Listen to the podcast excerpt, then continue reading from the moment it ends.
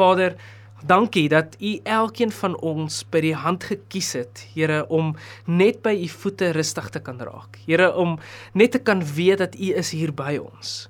Vader, dankie dat U vir ons hierdie geleentheid gee om aanlyn 'n erediens te kan kyk. Vader, om meer van U te kan leer op hierdie manier. Here, en dit is my gebed vandag. Here, mag U ons help om U te beleef en te ervaar deur hierdie platform vandag Vader sal u inkom en by ons kom sit. Here en en ons kom kom help om te sien waar wil u ons gebruik? Here wat beteken hierdie teks wat ons vandag behandel vir my? Here help ons daarmee. Um Here en dit is my gebed. Here mag ons u beleef op op 'n nuwe manier. En daar waar ons is Here mag ons ligdraers wees vir u koninkryk. Ons bid dit in Jesus naam.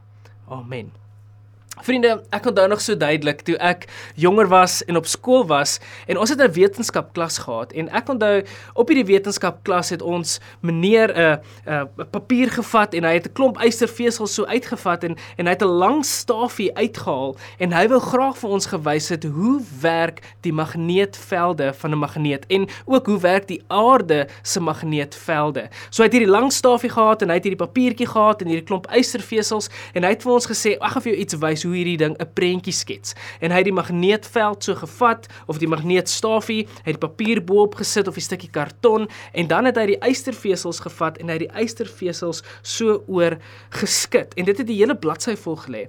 En op daardie oomblik toe het hy net net so met sy vinger so ligtelik getik en toe hy dit so met sy vinger tik, toe begin daardie ystervesels in 'n manier net gerangskik word en iewes skielik is daar 'n beeld. En dit is hierdie bo wat net op hierdie papier uitgebeeld word word soos wat hierdie hierdie magneetstafie hierdie bo en hierdie magneetvelde vir ons wys. En toe ons so kyk, toe sien ons net hier is hierdie boog by die noordpool en hierdie boog by die suidpool. En dit is wat hierso gebeur het en hierdie fantastiese patroon wat hierso uitgekom het. Nou, hierdie wat verantwoordelik is vir hierdie pragtige patroon is natuurlik die magneetvelde. Nou Jesus oriënteer ook sy volgelinge half op dieselfde manier. So sy persoonlike teenwoordigheid in ons lewens bepaal ook die rigting um van hoe ons lewe en hoe dit in ons lewens lyk. Maar Jesus is natuurlik nie die enigste krag wat in ons lewens inwerk nie. Daar is 'n klomp goeders, baie kragte, goeders soos vriende, goeders soos ouers, 'n broer, 'n suster, weet my besittings, my beplanne, my eise, my sport en 'n 'n klomp goeders waar ons by deel is. Miskien het ek 'n kinderprogram en ek moet hierdie kant toe ry of ek moet daardie kant toe toe gaan is 'n klomp staf wat wat ek net moet doen. 'n Goed kragte wat in my lewe inwerk en wat my prentjie amper hierdie mooi prentjie bietjie versteur. Jy weet ek het al hierdie kragte en wanneer ek my papier van my lewe so skud, dan is dit net crazy besig en crazy dol en ek weet nie wat aangaan nie. En dit mors so bietjie met hierdie pragtige magneet magneetveld prentjies wat in ons lewe aangaan. En wanneer ek na my lewe kyk, vriende, dan kyk ek na my prentjie en ek sien, "Jesus Stefan, hierdie is 'n gemors. So ek wil 'n uh, 'n teks saam met julle lees vanoggend en is baie interessante teks en is in Lukas 14 vers 25 tot 33. As jy jou Bybel by jou het, maak dit gerus oop of dit sal ook op die skerm verskyn. Dit gaan so. Groot skare is Jesus gevolg. Hy het omgedraai en vir hulle gesê: "As iemand na my toe kom, moet jy my moet jy my liewer hê as jou eie ma en pa, vrou en kinders, broers en susters." En ook nie jou eie lewe gering ag nie. Anders kan jy nie my disipel wees nie. En jy kan nie my disipel wees as jy nie jou eie kruis dra en my volg nie. Moenie eers begin voordat jy die koste bereken het nie, want wie sal met die oprigting van 'n gebou begin sonder sonder om eers kwotasies te kry en te sien of daar genoeg geld is om die rekeninge te betaal? Anders kan jy dalk net die fondament uh voltooi voordat die geld opraak en daar sal en, en dan sal almal mos vir jou lag. Hulle sal sê daardie kerel het nou mooi begin, maar sy geld het nog lank voordat dit klaar is opgeraak. Of watter koning sal ooit droom om oorlog toe te gaan voordat hy voordat hy saam met sy raadgewers gaan sit en beplan plan het of hy met sy 10000 man sterk genoeg is om die aankomende 20000 soldate te verslaan. As hy nie kan nie, sal hy terwyl die vyand nog ver ver is 'n afvaardiger stuur om 'n vredevoorstel te maak. So kan niemand my disipel word sonder om alles vir my prys te gee nie. En dan vers 34: Sout is goed om smaak te gee, Maar as die smaak verloor het, hoe kan 'n mens weer sout maak? Smaakelose sout is selfs nie goed vir die grond vir bemesting nie. Dit word net weggegooi. Elkeen wat gewillig is om te hoor, moet luister en verstaan. Vriende, hierdie is 'n baie interessante teks en ek dink wanneer ek dit lees dan dan weet ek nie regtig wat hier aangaan nie. En baie keer en ek dink vir vir ons is dit maklik vir ons om te sê ek ken vir Christus of dat ek georiënteerd is aan Christus soos wat hierdie magneetvelde om hierdie magneet georiënteerd is. Maar hoe ken ons vir Jesus regtig? Dirkie Smit Dirkie Smit wys op drie maniere oor hoe ons georiënteerd kan wees in Jesus. Die eerste een is 'n bewonderaar. Die tweede een is 'n leerling en die derde een is 'n disipel. Nou baie van ons is miskien bewonderaars en ons dink die wêreld van Jesus. Wow, hier is 'n ongelooflike mens. Hierdie is 'n inspirerende spreker. Mense het hom gevolg. Ek love sy quotes en ek gebruik ook soms sy quotes. En so af en toe dan dan sal ek bietjie vir mense vertel van hierdie besondere mens. Jy weet hy was awesome. Maar die ding van bewonderaars is bewonderaars kan baie maklik iemand anders begin bewonder en dan daardie persoon begin volg. Die ander tipe persoon is 'n leerling. Dit is iemand mense wat tyd gemaak het om Jesus te bestudeer. Jesus, wat was Jesus se ouderdom? Waar was hy gewees? Watter roete het hy gevat? Wat het hy gesê? Wanneer het hy dit gesê? Hoe pas hierdie goeters in mekaar in? So daar is 'n klomp goed hoe leerlinge bietjie bestudeer oor Jesus. Hulle weet 'n klomp goed van Jesus en hulle weet soveel goed dat hulle eintlik vir iemand kan vertel oor wie hierdie Jesus is, maar dis omtrent waar dit stop. Ons kan vir mense miskien sê wat ons weet van Jesus, maar daar is nie noodwendig 'n verhouding nie. Ons weet net 'n klomp goed. Ons is ons bestudeer Jesus en dit wat 'n leerling is. En dan is daar 'n derde ding. En miskien is minder van ons hierdie tipe mens en en ons wil eintlik hierdie mens wees en dit is disippels van Jesus. Disippels verskil van die eerste twee van die leerling en van die bewonderaar op die manier omdat um het, omdat disippels in plaas van net hierdie klomp goeters bewonder of hierdie klomp goeters van Jesus weet is is is is disippels na bootsers of na volgelinge van Jesus. Disipel is meer as net om van Jesus te ken.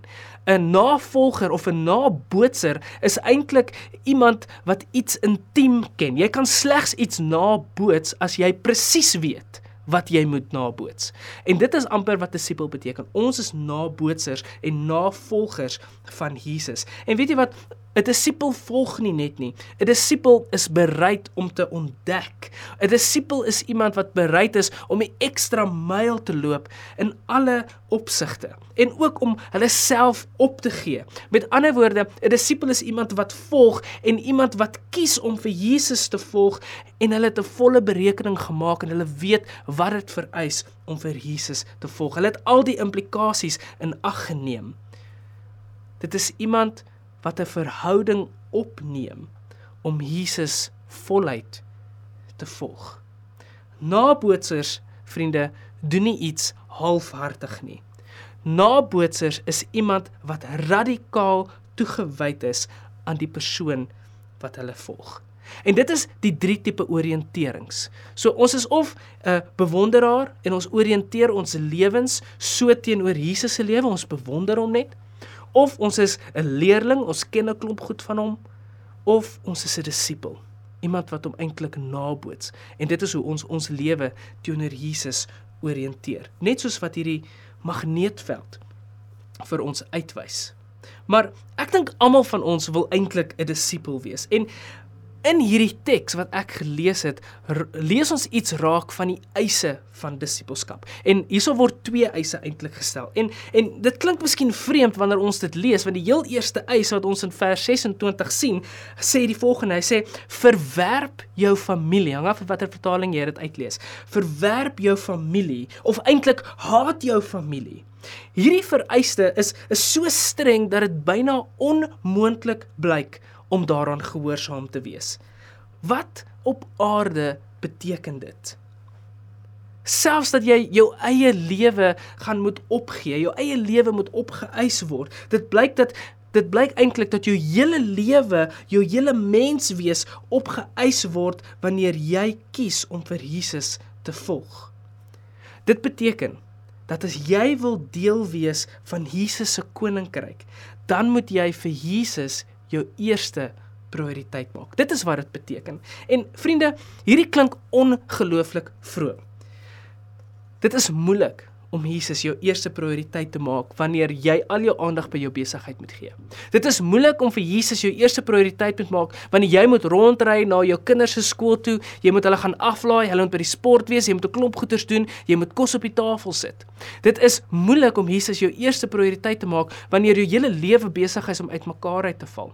Dit is moeilik om vir Jesus eerste prioriteit te maak wanneer jou jou gesin uitmekaar het of jou huwelik uitmekaar uitval of wanneer daar seer is in jou lewe. En, en dit klink baie vroom wanneer ons hierdie teks lees en hy sê jy moet hierdie goeders opgee. Jy moet vir Jesus die eerste prioriteit maak in jou lewe. En die lys gaan aan. Ons kan 'n klomp goeders sê oor oor wat in die pad staan wat verhoed dat ons vir Jesus die eerste prioriteit maak in ons lewe. Maar wat Jesus hier wil tuisbring is jy moet nie net 'n bewonderaar wees nie. Jy moet nie net 'n 'n 'n leerling wees nie, maar dat jy jou lojaliteit teenoor Jesus en sy koninkryk al jou ander lojaliteite moet oorkom. Dit moet dit oortref.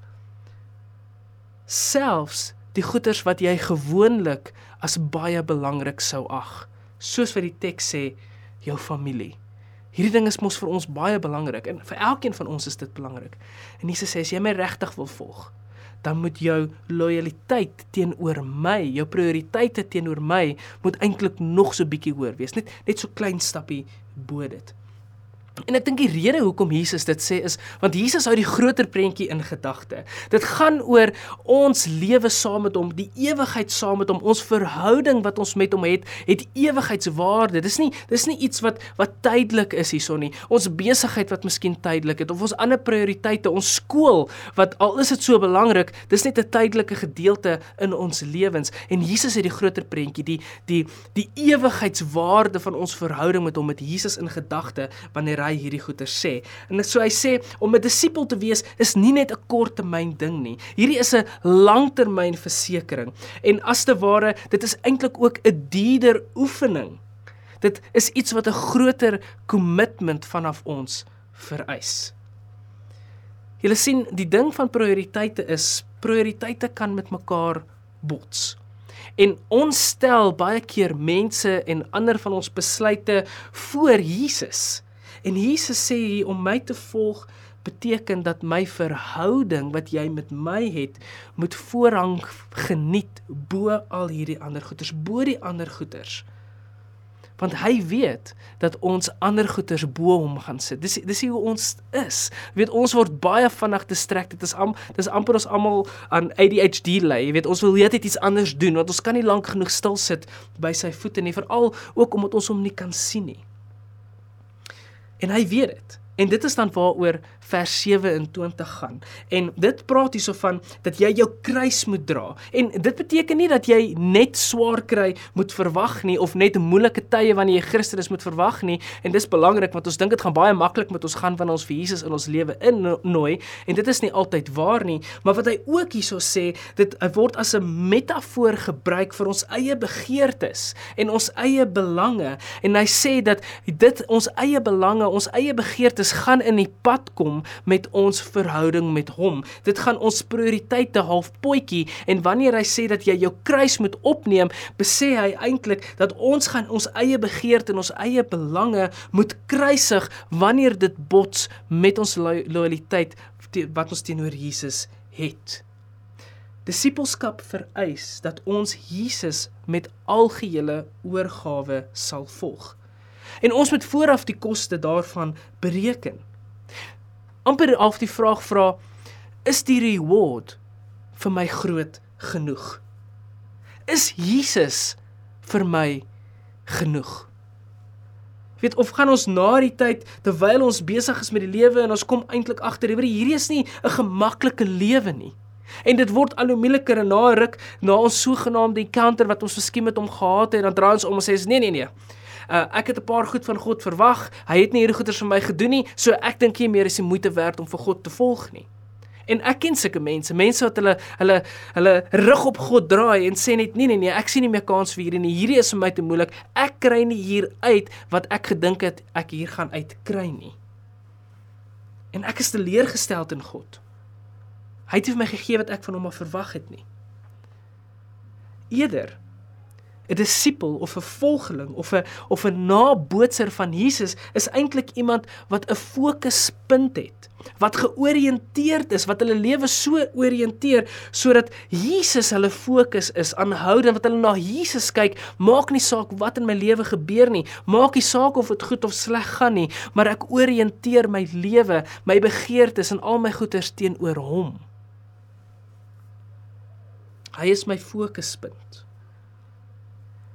En dan begin my lewe lyk like soos 'n magneetveld wat eintlik meer orde het. Dit is nie net 'n klomp eystervesels wat oral rond lê nie, maar dit begin 'n patroon vorm. Vir disippels is Jesus ons magneet. Hy is die een wat ons lewens oriënteer. En dan 'n baie laaste opmerking wat wat ook baie interessant is en dit is half asof dit half so ingelas word en dit is vers 34 en 35 dan praat Jesus van hierdie sout wat verslaan is of wat laf is. En eintlik wanneer wanneer sout buite gelê het of nat geword het en dit word weer droog, dan dan beteken dit nie regtig iets nie. Dit is af dit het die geur verloor. Dit is nutteloos. Nou die Bybeluitleggers wanneer hulle na hierdie teks kyk, dan sê hulle of hulle is van mening dat Lukas skryf dit juis op hierdie manier so want hy beskryf die geestestoestand van die mense vir wie hy hierdie brief skryf. En hy sê eintlik dat hy hulle dreig dalk uh, om soos kragtelose sout te word. Hierdie hierdie is mense wat vir Jesus navolg, maar hulle doen dit ook nie regtig met 'n verandering mindset en doel nie. Jy weet hulle is hulle is gelowiges wat eintlik vir Jesus in Jesus se naam meer skade as goed doen. Vriende, as disippels is ons nie net volgelinge nie. Ons is disippels met 'n mandaat en ons mandaat is om Jesus aan mense uit te straal. So wanneer hy praat van hierdie sout wat verlore gaan, wat sê hy eintlik? Hy sê dat Christene word so so saam met hierdie stroom van die wêreld ingesuig. Mense beweeg so saam met die stroom van hierdie wêreld dat hulle nie bereid is om die lig van Christus te wees nie. En dan sê Jesus duidelik dat dan is jy nie meer die sout van die aarde nie. Dan maak jy nie meer die verskil nie en jy beteken nie regtig dan iets nie. Dit beteken dat ons sê dat wanneer ons vir Jesus volg, moet ons lewe getuig van hom. En in hierdie acts reeks wat ons gedoen het die afgelope ruk het ons gepraat oor Jesus en die Heilige Gees wat in ons is en hoe die Heilige Gees die spotlight op Jesus sit. En wanneer die Heilige Gees die spotlight op Jesus sit in ons lewens dan kan mense dit sien. En dit is die doel. En dan is ons die sout. Ons is die sout van die wêreld. Maar wanneer ons ons loyaliteite en ons prioriteite ander goeders maak en ons sê ons is 'n Christen dan kan ons so sout word wat laf is. Ons het doen nie meer ons doel nie en dan kan ons selfs ook skade maak aan mense en aan die boodskap van Jesus Christus. Ek lees nou die dag op Instagram en hiermee wil ek afsluit van 'n ou wat uh vir 3 jaar lank al mense bedien. Hy's 'n waiter in 'n restaurant. En hy sê hy kom 'n klomp mense teë en hy leer mense ken ensovoorts en hy sê without a doubt dat die mense wat na 'n Sondag by die restaurant opdaag, is die mees entitled en die mees norste mense. En ek dink toe by myself, dit is presies hierdie. As ons disippels is wat so is, dan doen ons eintlik die naam van Jesus Christus en die boodskap van Jesus Christus meer skade. Vriende, so ek wil jou vra, is jy 'n bewonderaar van Jesus Christus? Hy's oulik. Ons kan sy woorde quote. Is jy 'n leerling van Jesus Christus waar jy 'n klomp goed van hom weet en jy voel miskien dit is genoeg? Of is jy 'n ernstige disipel wat die eise van disipelskap hier optel en sê dat dit is nie noodwendig maklik om vir Christus te volg nie, maar dit is die moeite werd. En ek maak 'n verskil want God het my geroep om hierdie disipel te wees, om 'n nabootser te wees, om 'n navolger te wees van Jesus Christus. En jy kan jouself dit afvra en ek weet dat hierdie teks en ook ons verhouding dit vir ons sal uitbring. Kom ons maak ons oë toe, dan bid ons saam. Hemelvader, Here, dankie vir hierdie teks. Here, waar U ons uitdaag oor die eise van disippelskap. Here, dit is nie altyd maklik nie. En dit is nie altyd so gerieflik ook om ons loyaliteite en ons oriëntasie teenoor U aan te pas nie. Here, soms is dit net vir ons makliker om te doen wat ons wil doen. Soms is dit net makliker om om saam met die wêreld te gaan en as te ware net net daarop te fokus. Here, dan kom ons op 'n Sondag en dan voel ons miskien skuldig daaroor. Ons sê, "Nee, nou gaan ek my lewe regryk." Here my gebed is dat U deur en deur in ons daaglikse lewe elke dag van die week, Here, dat U ons sal herinner dat ons is navolgers, nabootsers, navolgelinge van U. Here, ek wil nie net ek wil nie net 'n bewonderaar van U wees nie. Ja, U het amazing goed gedoen, maar dit moenie net daar stop nie. Here, hier is my gebed. Help my Vader. Help my om iets van U te beleef sodat ek die sout kan wees. Here, bid dit op Jesus naam. Amen.